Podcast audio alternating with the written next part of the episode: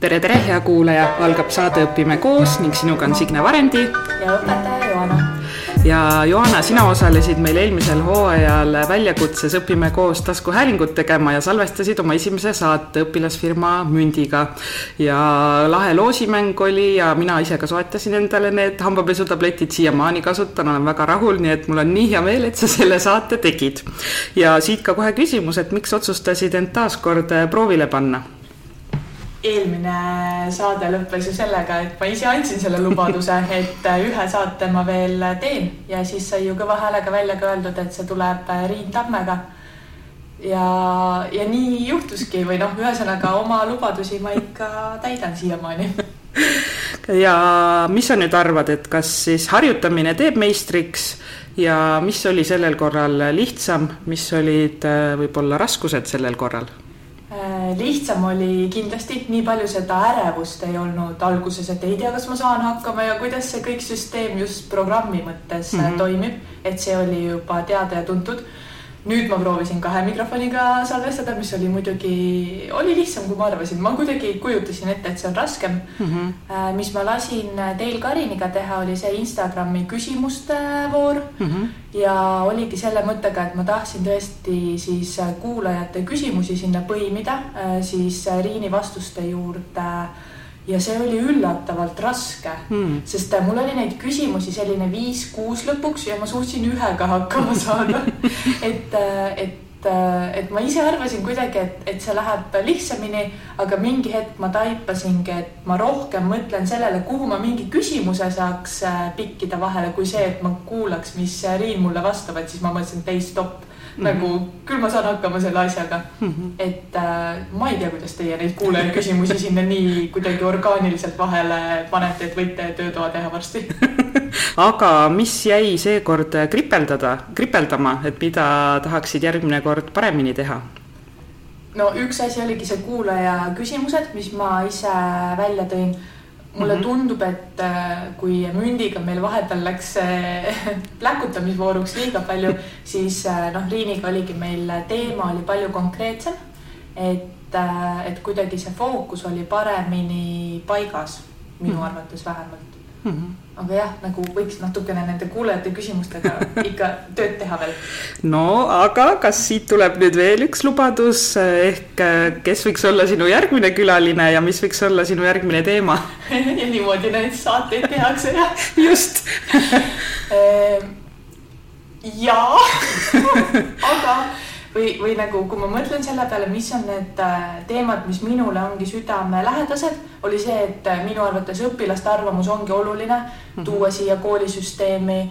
mulle endale on, on väga pikalt olnud andekad ja nendega tegelemine südamelähedane, tänu millele see Riin oligi väga mõistlik valik minu jaoks mm. -hmm. ja siis äh, see üks teema, mis ikka, ikka mul ka on hinge peal, on see, et iga õpetaja võiks olla oma persooni bränd mm. -hmm. ja on äh, armsad naised Evelin ja Olesia, nii et äh, ma, ma pole neile mitte midagi rääkinud veel muidugi, aga, aga ma arvaks, et, et ma ühe saan vähemalt neist nõusse mm, -hmm. eks näeb, mis ajal, aga, aga ma arvaks küll, et see, see tuua õpetajale natukene lähemale see, et sa tegelikult oled oledki iseenda persooni bränd, meie kujundame õpetajate mainet, et see ei pea tulema kuskilt ülikooli poolt, mingi organisatsiooni poolt, vaid iga õpetaja saab oma igapäevatöös tegelikult nii palju ära teha.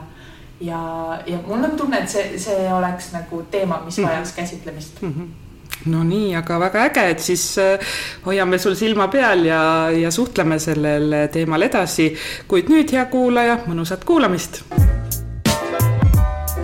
hei, hei, armas kuulaja. mul on nii hea meel rääkida täna andeka ja särava Riin Tammega. ilmselt tead sina Riinu kui Rakett kuuskümmend üheksa kohtunikku, kuid see ei ole kaugeltki kõik. Riin on geneetik ja teaduse populariseerija. ta on olnud Eesti geenivaramu teadur, Tartu Ülikooli teaduskooli direktor ning nüüd töötab Riin Haridus- ja Teadusministeeriumis noorte ja andepoliitika osakonna juhatajana. tere, Riin! tere, Joana! Ma tean, et see loetelu, mis ma just äh, ära tõin, ei ole kaugeltki kõik ja ausalt, mul endal oli väga keeruline valida siia neid ameteid, millega sind tutvustada. ja sellepärast saadki sa ise teha kohe pisikesi täiendusi, sest et see nimekiri etises oli piisavalt pikk ikkagi. kes on Riin Tamm?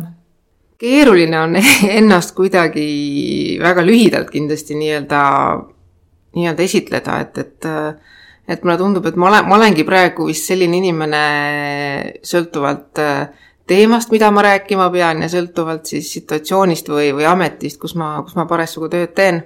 aga võib-olla kõige üldisemalt võiks öelda siis niimoodi, et, et ma olen inimene, kes varem võib-olla vähem, aga praegu kindlasti väga palju muretseb selle pärast, et äh, kuidas me läheb meie Eesti noortel.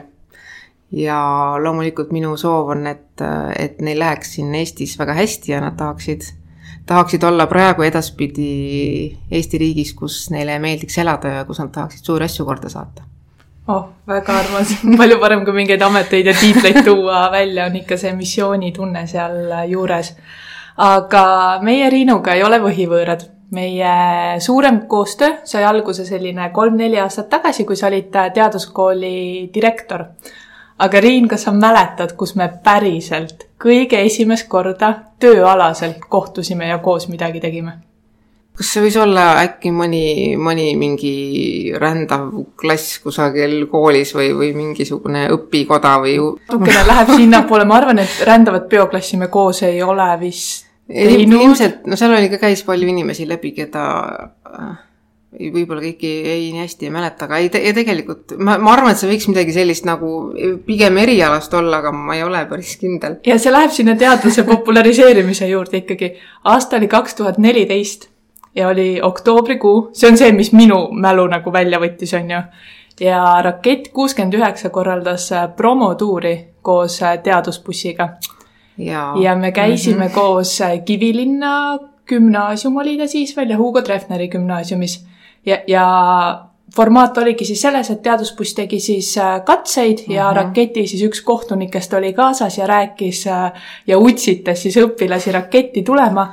ja ma mäletan nii selgelt ja see on päriselt aastaid minuga kaasas käinud, kuidas sa väitsid treffneristidele, et kooli teadmiste ja loogikaga te lendate raketipardal veel kõrgele, see too hetk tundus minu jaoks juba nii selline inspireeriv ja innustav. Aga kuidas sulle hetkel tundub, raketti on üle kümne aasta juba üheteistkümnes hooaeg hakkab nüüd, nüüd minema. nüüd hakkab kaheteistkümnes juba. kaheteistkümnes mm. -hmm. kuidas sulle hetkel tundub, kas raketi kandideerimisel tõesti piisab juba nendest ainult kooliteadmistest ja loogikast või noor inimene peab olema ka andekas? ma arvan, et me sellest ande-, andekusest räägime mõne aja pärast ka, et noh, mis asi, kes see andekas üldse on, eks ole mm. -hmm. on ta andekas, on ta võimekas, on ta talent ma arvan, et see raketis on nagu tegelikult hästi suur kombo erinevaid äh, nagu omadusi, mis nendel noortel tulevad kasuks, kui nad sinna üldse sinna esimest korda nii-öelda kandideerimisprotsessi satuvad. Äh, kindlasti, vähemasti nad ise, nad ise on väitnud, et kõige lihtsam on tulla sii-, kui sa oled äh, pigem nagu gümnaasiumis mm. -hmm. sest siis need teadmised, mida, need, ütleme, need alusteadmised, mille pea, mille pealt tegelikult need ülesannete lahendused äh, nagu, mille peale need ehitada, on siis nagu kõige värskemad. et äh, põhikool on veel, põhikooli lõpp on selline võib-olla mitte nii hea ja kui sa juba oled kuskil ülikoolis, siis sa ikkagi oled juba nii-öelda spetsialiseerunud. ja mõtled liiga kastis juba, jah? mingile valdkonnale ja siis ilmselt need sellised väga laiad alusteadmised sa enam nagu, sul nagu tuleb nendest puudus. natukene ilmselt ka ja mul on tunne, et mida rohkem sa nagu õpid mingit kindlat eriala, seda rohkem sa ikkagi paned ennast sinna kasti ja, ja kindlasti. kuidagi see suur pilt hakkab seal aina hägusemaks äh, minema. ja tegelikult noh, lisaks, lisaks ainetele sa ikkagi nagu pead, sul peab see äh, hästi tugev ikkagi selline sotsiaalne närv olema, et sa et sa tuled sinna ja, ja, ja sellel, noh, see on ikkagi suhteliselt lühike aeg, mille, mille jooksul sa nii-öelda kohtunikele ennast näidata saad, nii-öelda muljet avaldada saad, see on nagu a la see kolme, kolme minuti lifti kõne, eks ole, et, et Tõsi. kohtad seda kuulsat professorit seal ja pead ennast kolme minutiga maha müüma, kui sul on see hetk, et et seda, seda on kindlasti sinna vaja, nii et ma arvan, et puhtalt see, et, et sa oled, ise ma ütlen, ma olen andekas ja ma tulen raketti, et ma arvan, et sellest, sellest jääb kindlasti väheks ja noh, mida me praegu väga hindame, on ikkagi ka noorte käelised oskused et äh, tasub kindlasti vaadata isa, no ma loodan, või võib-olla ka ema selline tööriistasahtel üle, et, et äh, küsida järgi, et kuidas mingid asjad töötavad ja kindlasti proovida neid ise. ja nii, nagu sa ilusti ka juba ütlesid, siis me täna tõesti triivime andekuse teemal ja selle jaoks, et me saaksime ühtemoodi kõigepealt üldse sellest sõnast andekas äh, aru, nii nagu sa ütlesid, meil tegelikult neid paralleele, millega ühte noort inimest kirjeldada ongi palju, siis äh, kes on andekas õpilane või kuidas sina andekust defineeriksid? ma tegelikult ei, ei, ütlen, et ma ei defineeri seda ise praegu, praegu kuidagi see, just seetõttu, et, et me ei ole, me ei ole nii-öelda kokku leppinud, kui me mõtleme ka siin Eestis üldiselt, et, et kui me räägime nendest, nendest noortest, kes nad siis on andekad, võimekad talendid, et, et kellest me täpselt räägime. ja mul on selles mõttes keeruline mingit definitsiooni siia anda ja ma arvan, et see ei olegi, ei olegi midagi väga, väga lihtsat, et me ütleme, et andekas õpilane on või andekus on see, siis, siis ma arvan, et selline ühelauseline definitsioon sinna taha tegelikult ei tule. et pigem mul on jäänud mulje ja, ja vaadates ka ütleme siis te teadlasi või teaduskirjandust, et see on pigem mingisugune kombo või mingi mudel, mis tegelikult võiks seda, seda andekust äh, defineerida, mis koosneb väga-väga, ma arvan, väga-väga mitmetest erinevatest komponentidest. jaa, aga kui me mõtleme korraks selle koolisüsteemi peale, siis meil äh, on ikkagi õpetajatena see mõiste olemas, see andekas õpilane, on ju. no kuidas te defineerite andekat õpilast ja, ja nagu mina kui reaalainete õpetaja, noh, me, meie valdkonnas käib see ikkagi tavaliselt selle järgi, et tal on rohkem neid oskusi, mis see riiklik õppekava siis noh, ma ei tea, mhm. üheksandaks klassiks nagu sätestab, on ju, et lisaks hapete teemale saab ta juba kompleksühenditega ka hakkama ja oskab sealt ilusti veel loogikat edasi ka tuletada ma arvan, et see ongi, ongi, vaata, me, me tegeleme ka praegu ju tegelikult nende andeka, andekatega, kes on nagu kuidagi esile kerkinud mm. -hmm. et nad juba nagu on ja teavad midagi, no sa räägid, et sa oled kuskil seitsmes, kaheksas klass, et nad juba on nagu, aga kui me läheme sinna allapoole täitsa, lähme nagu ütleme sinna lasteaeda või hakkame esimeses klassis pihta, siis noh, kuidas me, kuidas me ütleme, et keegi on seal nii-öelda andekas siis või, või kuidas ta nagu äh, kuidas õpetaja saab aru, et mida mi,, mi, mis see on temas siis see, mis, mis me saame näiteks öelda, et, et mulle tundub, et või et ma näen midagi, et selles lapses on midagi teistsugust, et ja noh, siis ei ole ka selliseid nii-öelda, kui me räägime vanematest klassidest, olümpiaadidest ja nendest sellistest lisategevustest, eks ole. et, et ikkagi soov on ju see, et me, me ikkagi nad sealt võimalikult noorest peast nii-öelda selles mõttes üles leiaks, et nad ei jääks märkamata, et nii-öelda nende see, kas siis võib-olla mingi erinev huvi mingisuguse teatud spetsiifse teema vastu jääks nagu, jääks varju ja et sellega tegeletakse. ma arvan, et, ma arvan, et see on nagu see selline hästi suur konks, millega, millega võib-olla peab nagu see koolisüsteem. ma isegi ei arva, et see ainult koolisüsteem on, ma arvan, et see on nagu süsteem laiemalt nagu tegelikult, kuhu peaks hästi palju tähelepanu pöörama minu arust Viire on ka see inimene olnud, kes on ikka aastakümneid äh, proovinud äh, seda rada käia, et äh, järjest varasemas eas võiks märgata, et see õpilane ongi andekas ja proovidagi teda nii palju toetada kui võimalik, aga minu jaoks on ikkagi see, et kui me räägime seal algklassi poole peal, siis seal on see kodu ikkagi väga tugevalt selle õpilase selja taga veel, mida klassid edasi, mhm. seda väiksemaks tegelikult see kodu osakaal ju jääb. ära ta ei kao õnneks, aga noh, jääb aina väiksemaks, mhm. et, et õpilased saavad ise palju paremini ju hakkama.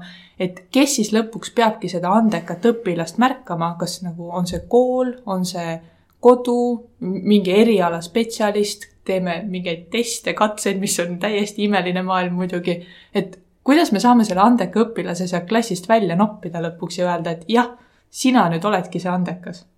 no vaata, see on, see on nüüd teema, millega me tegelikult ministeeriumis väga nagu, väga jõuliselt tegelema hakkasime. mulle tundub, et kõik need teemad või komponendid, mida, mille, mida, millest me siin juba rääkinud oleme, ilmselt ka täna räägime, ongi, ongi kuidagi, kuuluvad meie sellisesse riikliku and-, andepoliitika süsteemi, mida me püüaksime siin üles ehitada ja, ja samamoodi, et need küsimused praegu on, on kõik ka meie laual et äh, mida teha siis selleks, et me neid andekaid märkaksime, kes sellega tegelema peaks ja milline võiks olla siis äh, selle lapse ümber see tugisüsteem. aga jah, ma arvangi, et see on, see on see, et see on vanemad, see on, see on õpetaja koolis, ma arvan, et väga oluline roll on õpetaja, kes on huviringis või huvikoolis, et, et see on selline, kõik, kõik peavad kuidagi seda oma rolli ja oma rolli suurust seal, seal väga hästi tunnetama hakkama, et, et me jällegi ju, see on, toimub sellistel praegu siis ma arvan ikkagi suhteliselt äh, entusiastlikem, kes on siis vanemad, kes äh, on ise taipanud või kuidagi avastanud, et nende laps on andekas, siis väga tegelevad sellega otsivad võimalusi, eks ole, et aga, aga see ei ole ju selline, et kui ma tean, et ma, et ma võib-olla saan aru, et mu lapsega justkui on midagi teisiti, et ma tean, et mul on koht, kuhu minna või ma tean, mul on koht, kus on inimesed, kelle käest ma saan nagu nii-öelda nõu küsida. et Viire, kui ta teaduskoolist ära läks, siis, siis ta asutas selle MTÜ Talendikeskus et seal nad äh, püüavad äh, jõudumööda siis ikkagi ka hästi palju, ütleme siis sellisel vabatahtlikkuse alusel, kes seal inimesed äh, endaga kaasa mõtlevad, et, et nad ju mingil määral püüavad seda, seda andekuse tugisüsteemi seal tagada, aga, aga noh, ilmselgelt on, on sellest vähe terve Eesti jaoks minu enda peas üks suur probleem on see, et paberil meil tegelikult näevad asjad väga ilusad välja juba mm. -hmm. meil on olemas konsultatsioonid ja diferentseerivad ülesanded ja igasugused õpiabirühmad ja huvitegevus ja nii edasi. aga, aga kuidagi, kui ma vaatan seda hetkeolukorda, siis on see ikkagi kooliti väga kaootiline mm. -hmm. et mõnes koolis toimib väga hästi, sul ongi üliarmas süsteem, seesama Veeriku kooli näide, millest me sinuga oleme ka rääkinud, Karin Konksi ja see pull-out mm -hmm. meetod, et seal juba algklassides hakataksegi toimetama. ja kui sa ütlesid praegu, et teil on ministeeriumis see süsteem nagu loomisel, siis kas meil praegu tegelikult ei olegi siis süsteemi või no ma olen seda öelnud ja ma julgen tegelikult ka siin öelda, et see, see on ikka üsna süsteemitu tegevus, mis, mis, mis toimub jah, et on koolid, kes, kus on väga entusiastlikud või motiveeritud siis õpetajad. kes, kes võtavad eest. jah, just nimelt, kes seda teevad, sest nad näevad, et see on oluline. ja ma saan aru, et ka tegelikult Karini puhul ei tulnud see üldse nagu lihtsalt selgest taevast, vaid tal endal oli konkreetselt ikkagi enda laps, kellega tal oli vaja, vaja tegeleda ja siis ilmselt sa siis äh, nii-öelda hakkadki uurima täpsemalt ja, ja, ja väga tore, et ta tegelikult seda laiendas ka kooli, et ta kasutab seda võimalust nende võimekamate laste puhul siis.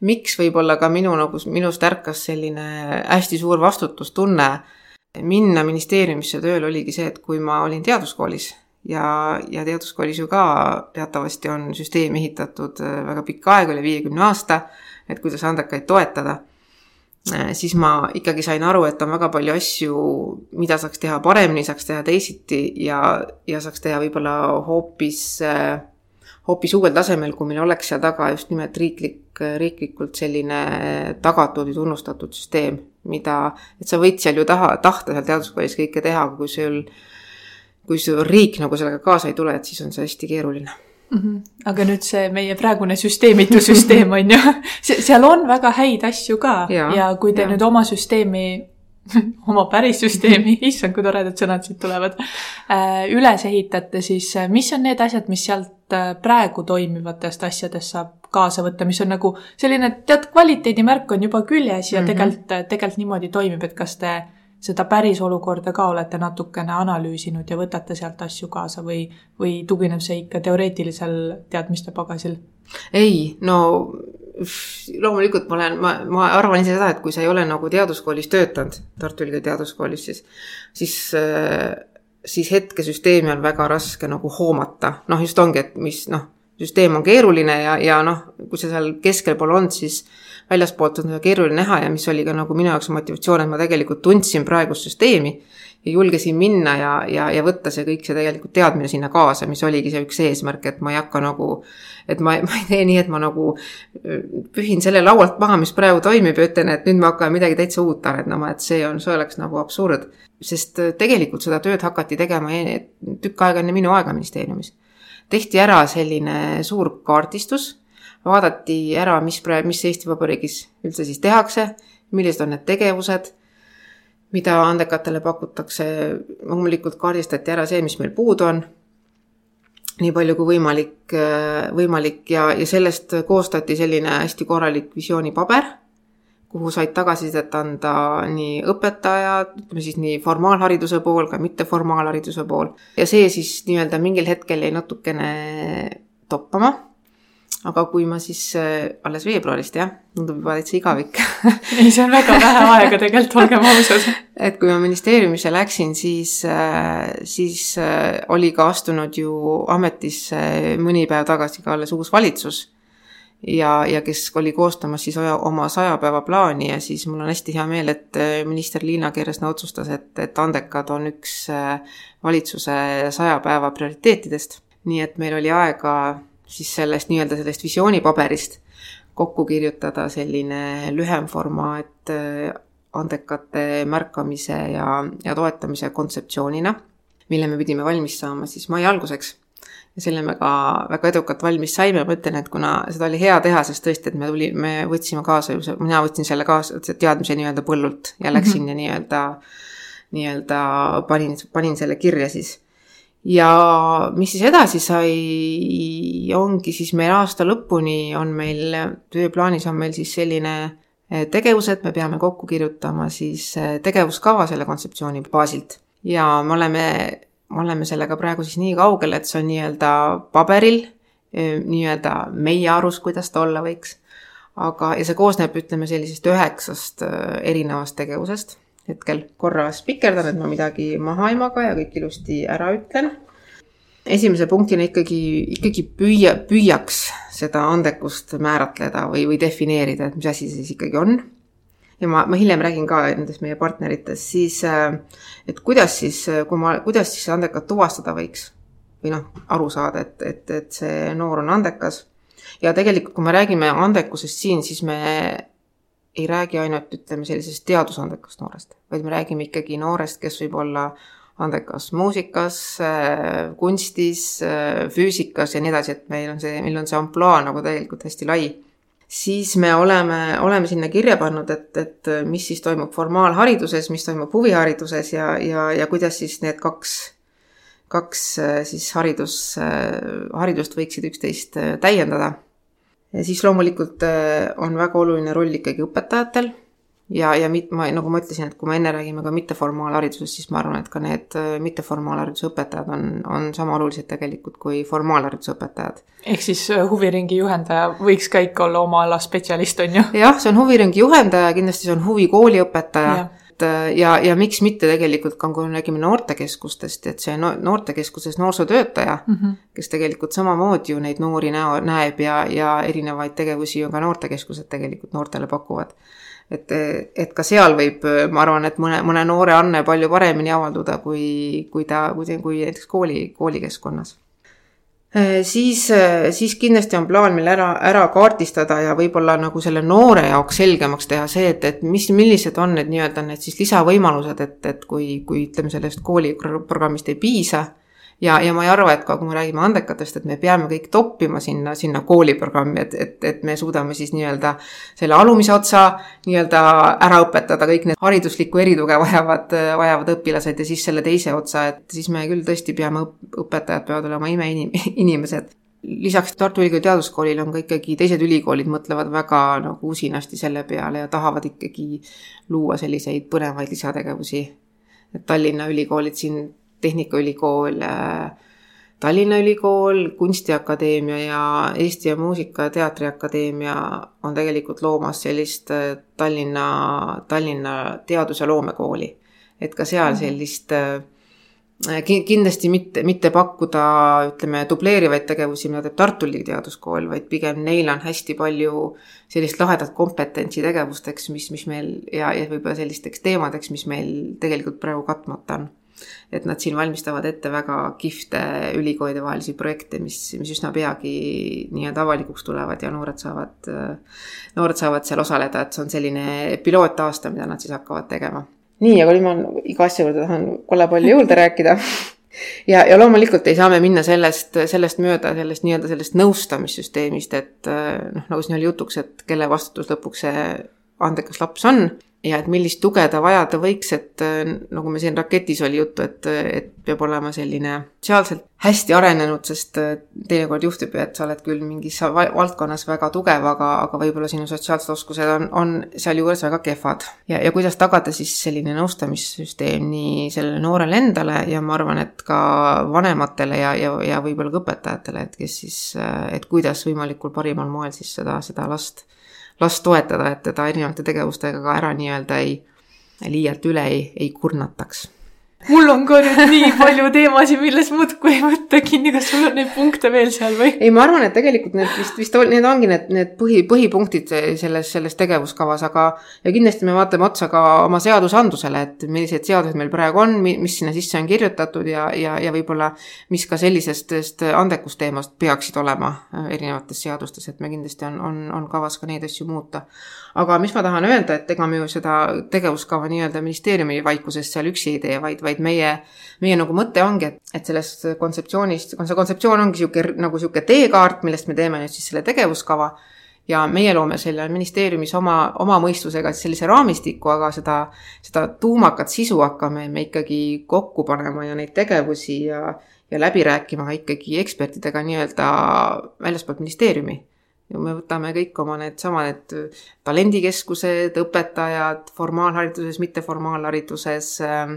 kindlasti võt-, võtame paati ja, ja hakkame siis vaatama, vaatama, et kuidas siis, millist sisu me peaksime pakkuma ja, ja, ja, ja kuidas siis nad noh, me teeme seda ikkagi, me teeme ikkagi seda inimestele, kes ei tööta ministeeriumis, me teeme nendele, kes on praktikud ja nad peavad ise mhm. kaasa rääkima, et kuidas seda parimal võimalikul moel oleks teha, et nad ka nii-öelda ise selle kõige, kõige juures siis ellu jääksid jaa, sest äh, minu jaoks ongi see hästi oluline, et äh, kui me räägime andeka õpilase toetamisest, siis äh, ja nüüd ma võtan jälle selle reaal- ja loodusteadused, sest et noh, see on minule omane, on ju, siis, siis see õpetaja jaoks tähendabki tegelikult väga palju lisatööd mm. -hmm. just nimelt nagu juba selle mõttega, et need andekad õpilased neil ei tohi mul tunni kontekstis olla igav, sest et mm -hmm. nagu siis see, no igasugune motivatsioon on tapetud kolme sekundiga, on ju mm. -hmm. ja, ja ongi see, et sa otsid ülesandeid juurde, sa teed talle natukene trikikama teksti, et ta peab reaalselt mõtlema, mitte lihtsalt kirjutama oksiidi nimetuse, vaid ta peab hakkama selle tekstist juba tuletama, on ju, ja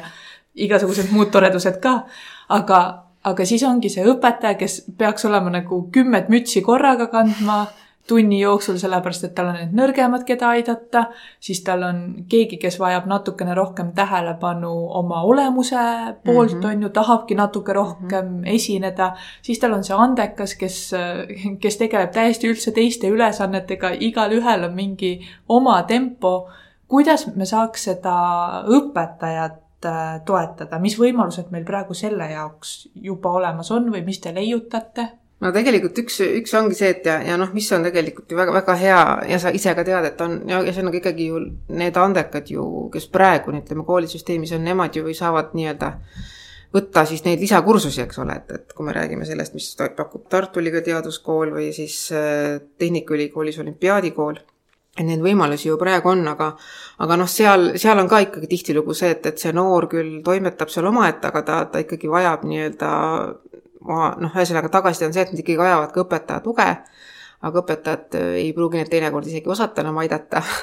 Ja see on väga on, reaalsus päriselt. Et mis, mis ma arvangi, et, et, et see õpetajate puhul ongi, ongi nagu mitmed suunad on, et kõige, et tegeleda siis nende tudengitega, kes õpivad õpetajaks, ehk siis, ehk siis, et jagada nii-öelda teadmisi juba ülikoolis et mis neil võiks olla siis, kui nad, kui nad koolisüsteemi tulevad ja milliseid teadmisi nad siis omada võiks kindlasti peab tegelema õpetajatega, kes on juba koolis, on pikka aega olnud ja, ja on see siis täiendõpe või, või, mingi muu viis, kuidas oleks võimalikult mõistlik neid äh, teadmisi ja oskusi siis äh, andekate kontekstis ära kasutada, siis, siis ongi, et kas me räägime sellisest äh, üldisest teadmisest, et kes on andekas ja, ja kuidas seda märgata ja nii edasi, ja siis neljas on loomulikult see, ongi see nii-öelda ainealane pädevus, et ongi noor käib füüsikaolümpiaadil, kas õpetajal on piisavalt siis pädevust seda, seda juhendada ja, ja kas igal õpetajal peabki see olema, siin, siin võib-olla on ka mõttekoht, et, et võib-olla on nagu mõned õpetajad koolis, kes on võtnud selle rolli ja, ja nii-öelda tegelevad selle andekaga, et, et ma ei, ma ei arva ka seda, et siis kõik õpetajad peavad nagu siis meil seal nii noh, et no, see on, see on ilmselgelt, et see, see ei ole nagu võimalik, et, et võib-olla nagu tuleb mingisuguseid kavalaid nippe kasutada ja, ja tegelikult siin on jälle see, et, et me ei taha seda ise teha, aga me tahaksimegi minna õpetajate käest küsima võib-olla, et mis on need nagu need head, head ja võib-olla nende jaoks sellised optimaalsed võimalused.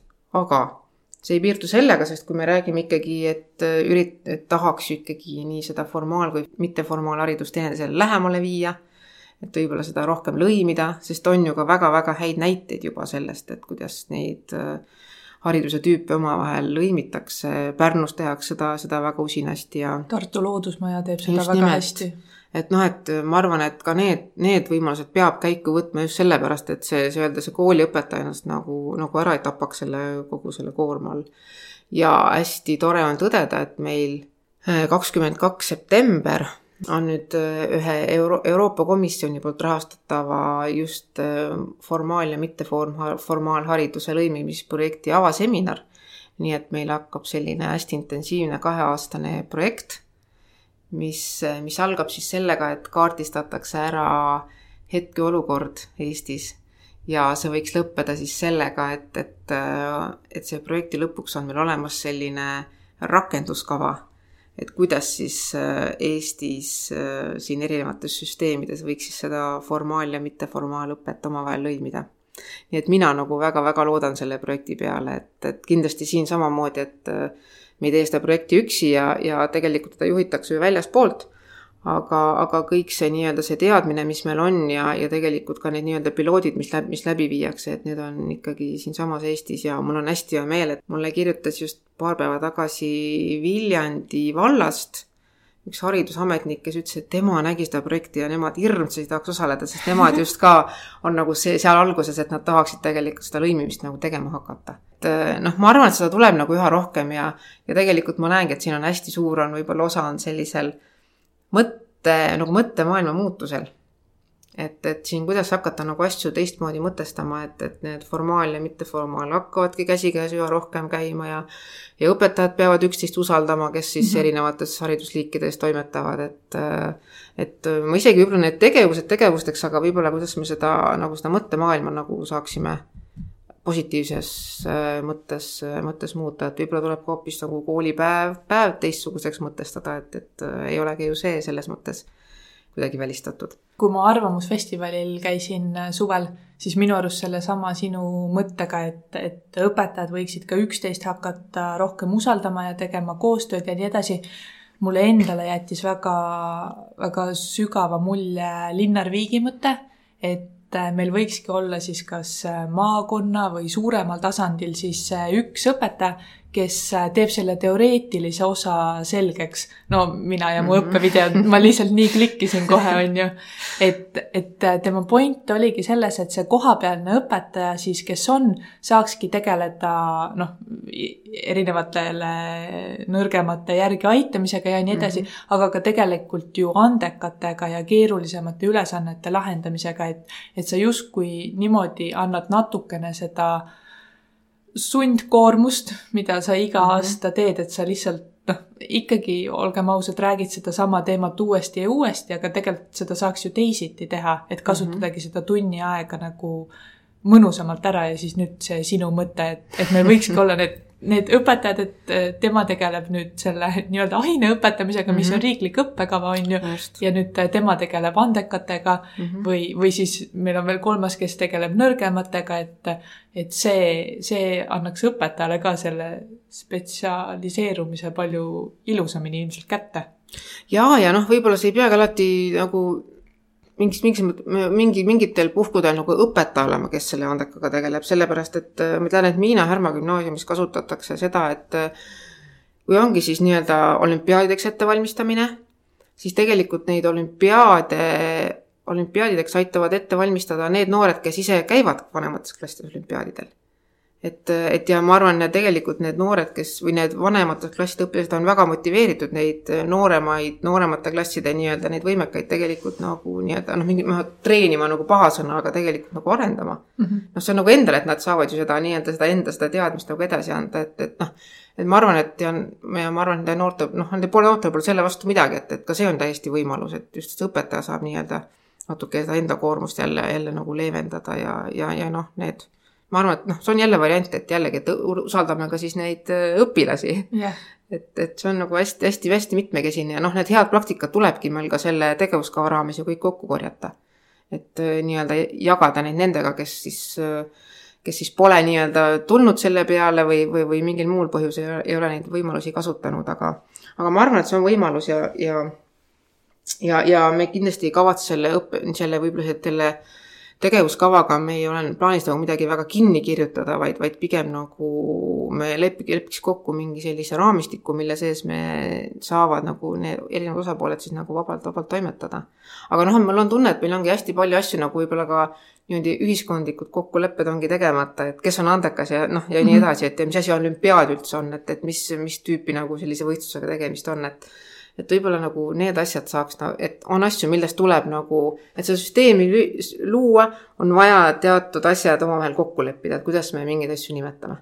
See on nüüd riiklikul tasandil, aga Õpime koos Instagramis said äh, kuulajad sulle küsimusi ka jätta ja nüüd ma võtangi ühe armsa kuulaja küsimuse, sest mulle tundub, et see läheb siia väga hästi ehk siis õpetaja Liina-Grete Uibopuu sooviks teada, kuidas sina organiseeriksid või looksid süsteemi andekate õpilaste jaoks koolis, kus seda veel ei ole.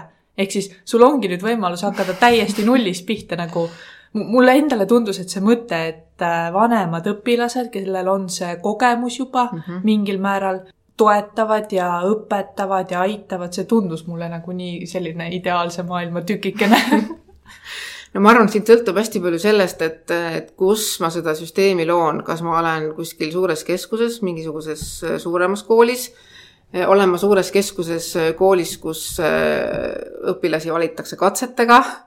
Ole, olen ma kuskil Eesti äärealal, et ma arvan, et see sõltub hästi palju sellest, et kindlasti ja kindlasti, kui on ikkagi, ikkagi kool, kus seda ei tehta, siis, siis ma väga-väga soovitan otsida kooli, kus seda tehakse.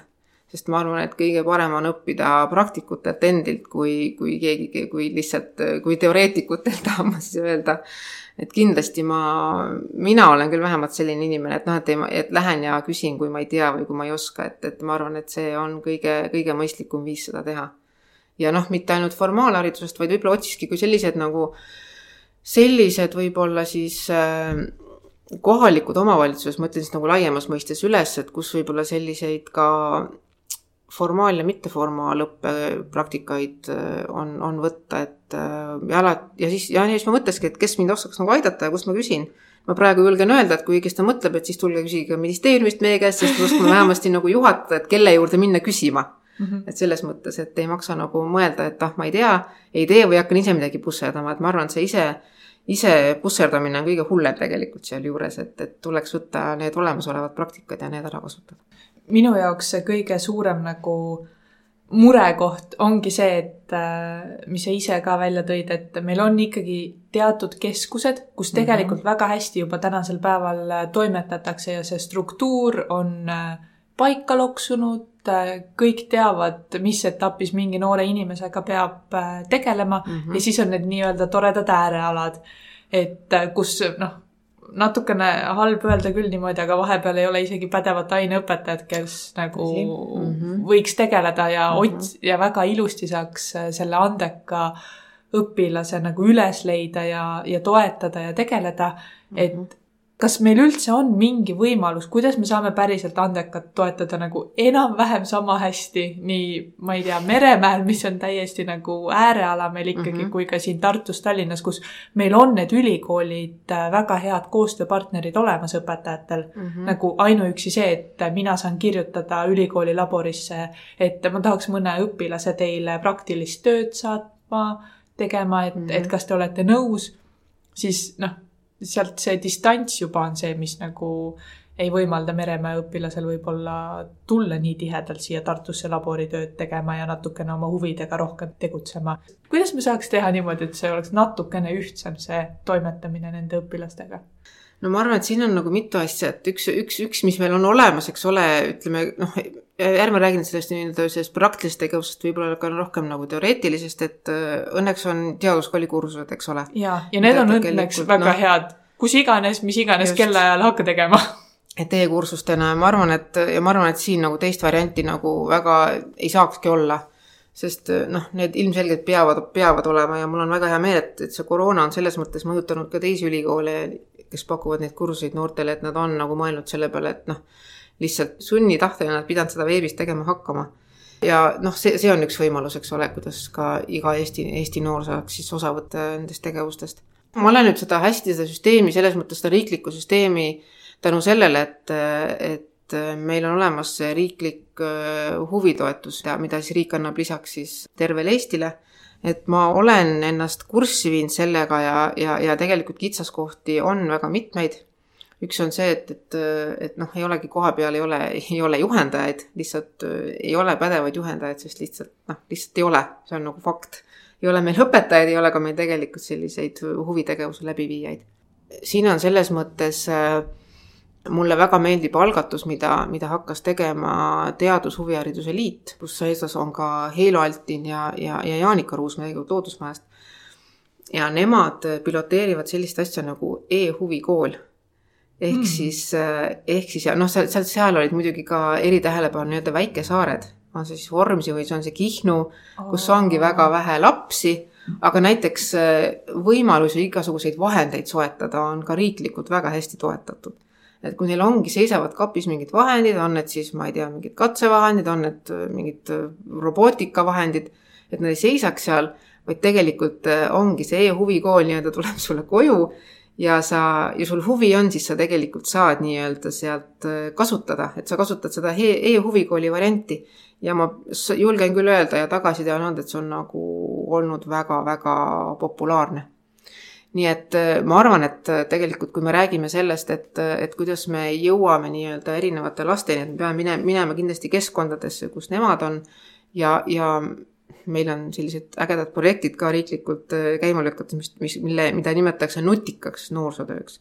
ehk siis just nimelt, et see ei, see ei tähenda alati ka neid digivahendeid, aga kuidas siis nii-öelda neid, neid noori hästi oma tegevustesse kaasata, et et ma arvan, et üks võimalus on jah see, et, et, et me pea, peame rohkem nii-öelda nägema neid võimalusi just, just äärealadele, sest ma arvangi, et tegelikult suurtes keskustes ja keskuste lähedal on neid võimalusi äärmiselt palju.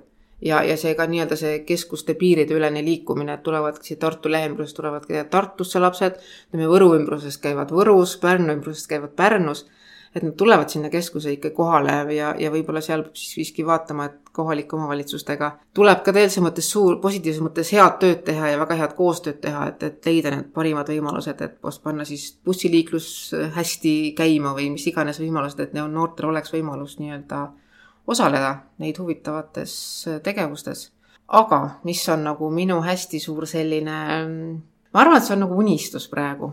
Ma ei tea, kas ma räägin praegu sellest või? sa võid kõigest rääkida mis puudutab selliseid, noh, see oli selline võib-olla natuke, noh, ma rääkisin sellest teooriast, on ju, nende teaduskooli tegevuste raames, siis e-huvikool nagu selline saab teha ka praktilisi tegevusi aga minu selline suur unistus, mis mul tegelikult oli juba teaduskooli ajal ja mis ma sain aru, et see, et see võiks, võiks, mis on nagu tundnud nagu minu juurde tagasi väga erinevaid teid pidi uuesti, on see, et meil võiks olla sellised riiklikud äh, nagu õppelaborid. ja labor kui selline, ma ei mõtle ainult sellist, et kus saab teha siis võib-olla sellist äh, valge, valget nii-öelda sellist märgakatset, vaid nagu väga erinevaid tegevusi, ka robootikat ja, ja mida iganes aga nad võiksid olla ikkagi nii-öelda üle Eesti laiali ja mitte ainult siis ka suurtes keskustes, kuigi ma noh, ütleme, kui me räägime näiteks Haapsalust, kus on Innoka keskus, on ju mm, -hmm. Pärnust, kus on Pernova väga hästi töötab, ja leida need kohad, noh, Ida, Ida-Virus kindlasti, kas on siis ülikooli, ülikooli kolledži juures näiteks või kus iganes, et võiks olla sellised riiklikud keskused või laborid, kus ongi, et on selline korraliku infrastruktuuriga ruum, kus on võimalik teha siis erinevat tüüpi siis praktilisi töid. et see on minu suur, tõesti, see on, seal, seal võib olla ka see, et seal on mingid arvutituba, kus saab käia siis, ma ei tea, 3D modelleerimas, midagi visualiseerimas et neid võimalusi, võimalusi peaks olema erinevaid, aga, aga see võiks olla nagu üle riigi ühtemoodi, no natuke seda tüüpi, mis võib-olla on Tartu see uurimislabor. ja mul just, just. endal tuli ka, et uurimislabor mm -hmm. ju tegelikult proovis seda teha ja Väike-Maarjas toimetavad just, nad just, väga ilusti, on ju mm, -hmm. et sealt ümbruskonna mm -hmm. õpilased saavadki käia, aga aga nii palju, kui ma kõrvaltvaatajana olen aru saanud, siis see, mille taha see jälle jääb, on see inimressurss mm, -hmm. et sul ei ole seda inimest, kes juhendaks, kes oleks seal kohapeal olemas, sest minu arust neil käis Tartust vahepeal inimene sinna Väike-Maarjasse mm -hmm. tegutsema. et, et me jõuame jälle sinnani, mul on tunne, et nagu õpetajakoolitusse on ju ja just, aga no aga vaata, tegelikult meil toimib ju, Viljandis on tehtud see taibukate teaduskool, mida Mari Järve nüüd juhib, eks ole. ja noh, ongi vaata, sa ütlesid, et see tegelikult Väike-Maarjas on ka nüüd nii-öelda see laborite nagu süsteemi tahetakse arendada, et noh, vaata väikestes kohtades nad ikkagi nagu püüavad, aga noh, mulle tundubki, et tegelikult me peaksime seda ikkagi nagu tegema suuremat ja süstemaatilisemat ja ilmselt mingil hetkel võib-olla need väiksed kohad ka nagu panevad pillid kotti, sest ongi, et ei ole inimesi või ei ole, raha enam või mis iganes põhjusel, et, et me peaksime kuidagi ikkagi seda nagu riiklikumalt hoidma üleval ja, ja sest ja siis vaatamegi seda, et mis me, et kuidas me siis saame, saame teha seda, et meil oleks nii-öelda neid särasilmseid juhendajaid seal kohapeal olemas.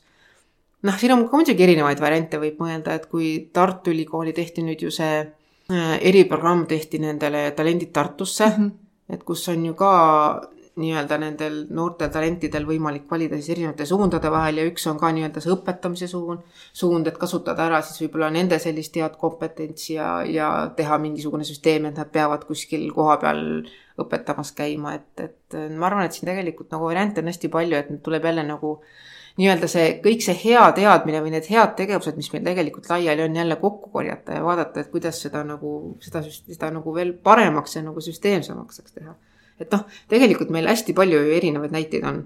et mhm. ongi niisugused nagu üksikud, aga see ei, noh, see ei toimi nii, kui me tahame nagu, et, et tõesti, et äh, iga Eesti laps või noh, iga Eesti noor talent saaks nagu sellest nagu osa nüüd ma lähen natukene tagasi, kui sa rääkisid sellest äh, süsteemi kaardistamisest või noh, sellest mm, -hmm. mida meil hetkel veel ei ole.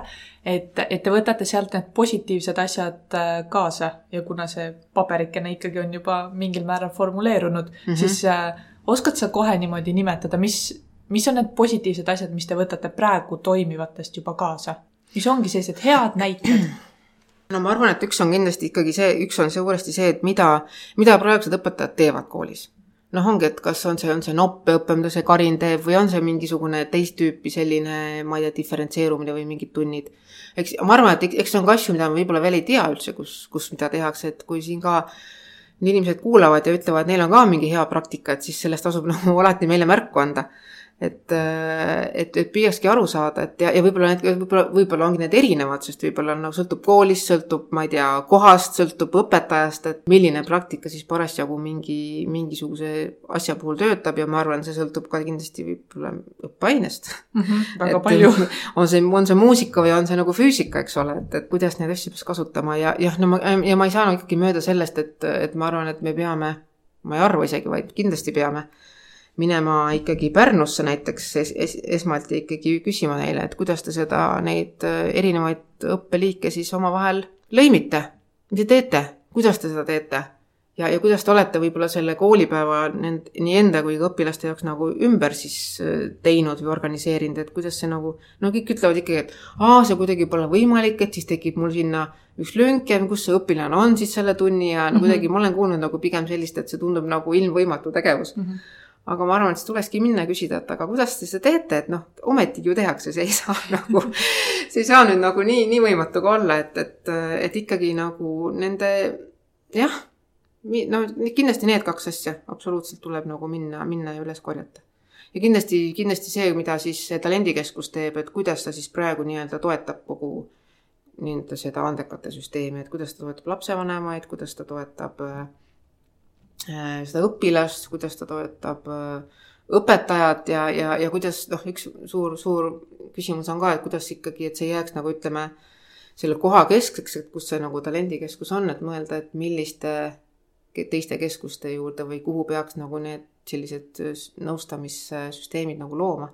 et nad oleks tõesti üle Eesti kättesaadavad mm. -hmm. ma praegu võin muidugi väga rängalt eksida, aga minu arust talendikeskus oli esimene äh, selline asutus, kes ütles kõva häälega välja, et andekal õpilasel on vaja ka seda psühholoogilist tuge ja sellega tegeleda päris äh, palju ja sinu teedikõnes tuli ka hästi ilusti välja, kuidas äh, õpilane lagunebki ära mm, -hmm. sest et ta ei mm, -hmm. ta ei ole kunagi pidanud hakkama saama sellega, et ta nüüd ei ole enam parim või noh, et ta nüüd ei saa enam oma loogikast Just. tulenevalt asjadega hakkama, on ju mm. -hmm et äh, minu arust meie tugisüsteemis üks hästi oluline asi, mida tegelikult teha, ongi kogu selle mõttemaailmaga ka äh, tegeleda jah, no ma arvan, et sellele, nendele noort tuleb ka rääkida just seda, et noh, võib-olla see, et ka iga päev ei ole nii-öelda pidupäev, et, et on ka nagu kehvemaid päevi, et keegi ei peagi alati hakkama saama, et, et, et noh, läkski kehvasti, lihtsalt oligi, täna läks halvasti, noh, ja mm, -hmm. ja et nad saaksid aru, et see ei ole maailma lõpp. Sest praegu miskipärast äh, on selle andekal ikkagi see tunne, et, et kõik vaatavad talle otsa, nüüd ta läheb ta teeb midagi, ta teeb seda kindlasti väga hästi, sellepärast et no ma arvan, et see on nagu üleüldine selline hästi nagu tegelikult minu jaoks on nagu nõme tegelikult või nõme selline. Ka võib-olla mõttemaailm, mida nagu tuleb väga tugevasti murda, on see, et, et kui me ütleme sõna andek-, kui me ütleme, et see on inimene andekas, siis eeldatakse, et ta nagu tal on supervõimed juba, on ju. saab kõigega hakkama ja mis, mis probleemid üldse selle, sellisel inimesel nagu olla saaksid et noh, see on nagu, ma arvan, kõige, kõige nagu halvem, mida me saame tegelikult sellele noorele inimesele teha. et ma arvan, et me nagu rikume, rikume tema elu sellega nagu täiega ära, kui me, kui me ei räägi, kui me ei räägi talle, mis nagu päriselt sinuga ka juhtuda võib.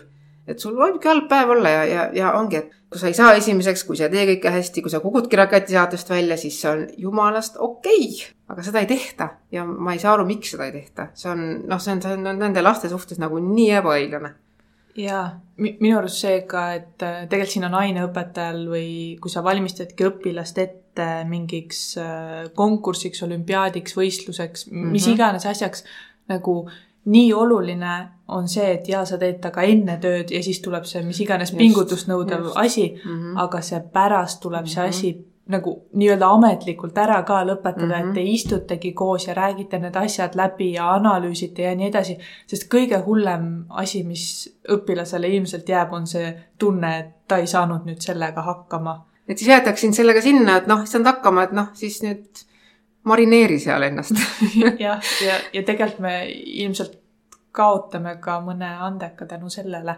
et lihtsalt see järeltöö jääb nii-öelda tegemata, sest tal jääbki see halb maik suhu mm -hmm, ja, ja mm -hmm. no tahad sa väga siis selle keemia või muusikaga edasi tegeleda, kui sa tead, et noh, tegelikult ei lähe ju hästi.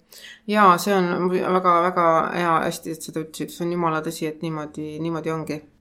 jah, et me teaduskoolis ka ju me nägime neid küllalt neid noori, kes käisidki kõikidel lahtistel võistlustel, olümpiaadidel, noh, rabelesid seal kümnes suunas ja tegelikult ka ju tuli ja ka need olümpiaadi žürii inimesed ise ju palusid, et kas me võiksime nii-öelda neid koolitada, sest nad samamoodi ei osanud neid, nendega lastega ka hakkama saada mm, -hmm. et ei osanud nagu noh, neid aidata sõna otseses mõttes, et, et äh, kuidas, kuidas seda last nagu võimalikult parimal moel, moel toetada, aga noh, lisaks sellele, et see žürii liige teda näeb, on ikkagi vaja, et kui see laps lõpuks sinna nii-öelda oma kooli tagasi maandub, et, et seal oleks ka nii-öelda selline turvaline ja pehme maandumine, et, et ükskõik, ükskõik kuidas see noor ennast siis nagu päriselt tunneb sa natukene puudutasid äh, siin juba seda, et meil on need noored, kes käivadki väga, noh, see üks ja sama noor, kes käib mm -hmm. väga paljudel erinevatel võistlustel ja olümpiaadidel ja tal võibki olla, meil on neid noori, kes käivad ka rahvusvahelisel tasemel mhm. olümpiaadidel mm -hmm. Eestit esindamas sellises äh, kolmel-neljal erineval õppeainel. tavaliselt need jäävad enam-vähem samma valdkonda, aga meil on ka näited, kus ei jää, on ju. et neid mitmel alal andekaid noori on meil kindlasti olemas aga nüüd ma võtan täiesti enda isikliku seisukoha ja, ja räägin sellest, kuidas minust tapeti absoluutselt kõik asjad ära. Äh, kaheksandas klassis käisin ma ke, keemia ja matemaatika olümpiaadid olid need, kuhu ma väga hea meelega läksin.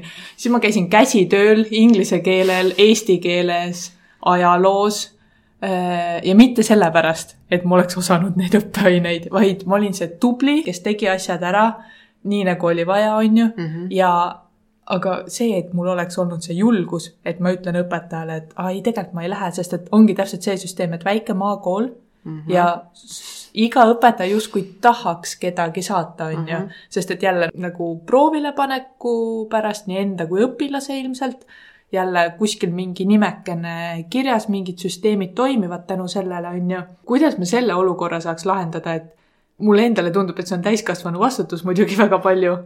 kui sul on õpilane, kes äh, on korralik ja kohusetundlik, mitte mm -hmm. ei ole nagu andekas mm -hmm. sellel alal. et me ei topiks teda igale poole aga vaata, sa ütlesidki siin, et mingid süsteemid on sellele üles ehitatud, mis juba nagu ongi nagu eelduslikult nagu nii vale. et ongi, et äh, umbes, et sulle makstakse kuskilt mingit preemiat, kui mm -hmm. su Mhm. laps käib kusagil, et see, need tuleks nagu kohe ära lõpetada. Sest see, kes kannatab, on tegelikult seesama noor inimene. Jah. aga siin, aga noh, aga mõttemaailmaga sinnani ei jõuta, mis on nagu hästi-hästi kurb minu arust. et me unustame kuidagi selle noore sealt alati ära, kes nagu noh, kes, kes on nagu justkui ütleme, on nagu tegelikult nagu peategelane täiesti, sest et tema on see, kes läheb sinna välja ja hakkab asju tegema ju tegelikult. no just ja siis tegelikult ongi, aetakse väga sageli asju, nagu sa ütlesid, et ta on nagu kohusetundlik, õpib viitele, aga teda nagu noh, ongi, et, et see, see, see ei näita õppise kohta, et ta on andekas. Mm, -hmm. kui ta nagu, kui ta viitele õpib, et äh, eeldused on nagu juba, juba hästi-hästi kehvad seal ja, ja tei-, ja teine muidugi see, et, et see õpilane isegi võib mingisuguses äh, teemas väga tubli olla, aga ta võib-olla ei taha üldse võistelda. Ta tahaks võib-olla mingit muud formaati, kuidas ta saaks nii-öelda sama seda huvi edasi arendada, võib-olla ennast nagu teistmoodi proovile panna. et see on ka üks hästi nagu oluline komponent seal meie tegus, et me püüaks leida neid teisi vorme, et kuidas needsamad andekad noored saaksid tegelikult on see siis mingi, et ta saab kuskile mingisuguse korüfeega mingisugust asja, ma ei tea, on see siis nagu laboris kuskil mm -hmm. midagi teha koos või on see mingi teine ja kolmas tegevus, mida, mida me välja pole mõelnud aga et me leiaksime just, just, et see noor jääks ellu ja ta saaks tegeleda nii-öelda selle huviga ja mingi jätkutegevusega, mis talle, mis ta päriselt nagu köidab, et, et ilmselgelt on neid võistluslikke nagu üritusi meil nagu juba praegu liiga palju. ja, ja kõik on Oo, muidugi oh, absoluutselt olümpiaadid, see on nagu teine, mis, mis on minu jaoks nagu hästi suur nagu ütleme, kivi kinga sees, et sest ometigi, kui minu laps käib olümpiaadil, siis ma saan jälle kuidagi premeeritud selle eest, et noh, ma arvan, et ongi, et siin asjad on nagu kuidagi mingil hetkel nagu ikka väga-väga kraavi läinud. Kuidagi viltu on see mm. -hmm. see asi jah, sest no me jõuame jälle, mul on tunne otsaga sinna, et äh, nendes suuremates äh, keskustes tegelikult see on rohkem ikkagi selle õpilase huvile baseeruv, et need äh, huvilised õpilased on need, kes käivad, sest et sul on koolis lihtsalt nii palju suurem valim õpilastest mm. -hmm. keda sa võiksid saata sinna ka ju õpetajana. et kui sul ongi väike maakool, siis äh, sa saadadki selle ühe tubli, kes on sulle vahepeal silma paistnud, on ju. aga vaata, siin ongi see, et me ei ole kunagi mõelnud ilmselt võib-olla nii laialt ka, et kuidas siis, et kui noh, meil ongi, ongi, et piirkonnad on erinevad ja kuidas siis, kuidas siis toetada igas piirkonnas seda, et, et see õpi-, et see õpetaja ka nagu veri ninast väljas siis ei õpeta ühte, ühte õpilast, et no jumala eest nagu, et sa pead ju minema selle nagu see tulemuse ära tooma. Aga me peamegi looma nii-öelda neid võimalusi, neid teistsuguseid võimalusi sinna, sinna piirkondadesse, et, et sealt ka need tublid lapsed saavad areneda. see ei pea alati mingi võistlus olema, aga et ka seda õpetajat siis märgatakse. aga, aga ma arvan, et äh, sinna peab otsa, otsa nagu väga-väga nagu tõsiselt vaatama, et, et mis on need alused ja, ja, ja, ja kuidas me siis erinevaid piirkondi siis nii-öelda kohtleme, ütleme siis nii. Teie tegevuskavas, kui see on nüüd niimoodi formuleeritud mm -hmm. ja nii edasi, mis see esimene punktikene on, millega te nüüd tegelema hakkate lähiajal? tead, mulle õudselt meeldis seda, et äh, kui ma kuulasin, kui Jaan Aru rääkis ka selle andekuse teemal ja jagas oma mõtteid ja siis, siis ta ütles ka tegelikult, et väga palju asju saab teha absoluutselt tasuta ja, mis ongi nagu täiesti tõsi ja mis on ka talupoja mõistusest tulenev juba, on just ju. nimelt, et on asju, mis ei nõua üldse nagu mingit tohutut, tohutuid rahasummasid. Ja ma arvan, üks nendest ongi nagu see mõttemaailma muutmine. et kindlasti on tegemist, mis vajavad raha, ma olen ka sellega täiesti nõus ja, ja, ja kindlasti ja need on meil nii-öelda et lisaks sellele, et me te- teeme tegevuskava, peame ka need eelarvestama, ehk siis, ehk siis on tegevusi, mis kindlasti nõuavad, nõuavad ressurssi. Aga ongi, et me, me kindlasti saame hästi jõuliselt hakatagi tegelema sellega, mis, mis tegelikult äh, suuri summasid ei vaja, aga mis võib-olla annavad selle võib-olla kõige isegi kõige olulisema tõuke kogu sellele süsteemi nagu toimimise, et ongi see, et, et noh, see, see mõttemaailma muutmine, ma näen praegu, et, et kõik see, et et kuidas me sellest andekast siis räägime, kes see andekas on ja see on see, siin peab olema ettevaatlik see, et me kedagi jälle sildistama ei hakka, et siis tekib teistpidi nagu mingi hetk lastest võib saada alasooritaja, sest ta ei taha, et tal on mingi andeka märk küljes või kuidagi see võib-olla klassis ei paista hea välja või mis iganes põhjusel, last, on ju noortel palju põhjuseid, miks on vaja teisi narrida või kiusata või mis iganes. Et ma arvan, et siin tuleb läheneda asjale hästi ettevaatlikult, et, et mõelda, mis on need parimad viisid, et kuidas siis seda andekat märgata, toetada just nimelt praegu, et mi- mis, mis, mis on need tegevused, mis ei nõua sellist äh, tohutuid rahasummasid, et ma arvan, et me alustame kindlasti nendest esialgu. Aga, aga ma, nagu ma ütlesin tegelikult, et me ei tee seda üksi, et pigem ongi, et äh, meil on siin see talendikeskus abiks kindlasti, kes, kes aitab meil, meil mõelda, et, et kuidas siis seda parimal viisil seda teadmist jagada, ma arvan, et siin ongi oluline, et kui et kui me, kui me saame mingisugused äh, süsteemi alged paika, et siis äh, kuidas seda parimal viisil need, need teadmised jõuaksid siis vajalike, vajalike tegutsejateni ja siis nii, nagu sa armsalt juba ütlesid, et kui õpetajatel on mõnusaid praktikaid teile pakkuda ja, ja oma just, mõtteid, et just. siis võib kirjutada, joonistada alati, jah? jaa, me hea meelega nagu, me korjame loomulikult kõik kokku, sest noh, ilmselt saab ka sellest võib-olla teha mingi sellise tööriistakasti. et ongi, et meil on nagu need praktikad kokku korjatud ja siis äh, siis saabki, et õpetajal siis kus iganes koolis ta õpetab, mis, mis iganes laps tal seal on, et ta saab nii-öelda teha nendest äh, vastavalt olukorrale siis nii-öelda parima praktika välja valida ja siis seda kasutada, et, et et noh, ma ütlen, et me ei, ei ole mõtet hakata siin jalgratast leiutama, kui meil on tegelikult asju, asjad olemas, mida saaks nagu töösse panna et saame natukene paremad rehvid alla ja toimib veits paremini järgmine kord, on ju? just aga sinuga on olnud hästi armas siin jälle üle pika aja rääkida mm -hmm. nüüd juba natuke tõsisematel teemadel, kui me tavaliselt kohvitassi taga oleme teinud.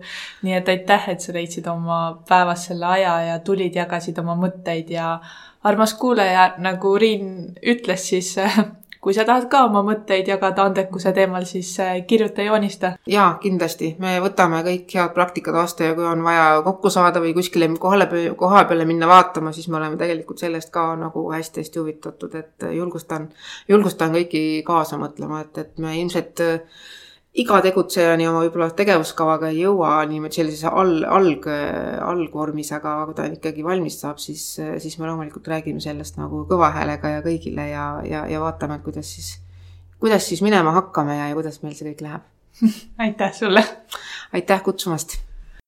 kui sinagi said koos meiega täna uusi mõtteid ja inspiratsiooni, siis anna taskuhäälingule hoogu juurde, likei, jaga ja kommenteeri meie postitusi sotsiaalmeediakanalites kui soovid taskuhäälingut Õpime koos toetada, siis täname sind annetuse eest MTÜ Tartu Loomemaja arveldusarve kontole. kõik vajalikud lingid leiab saate kirjeldusest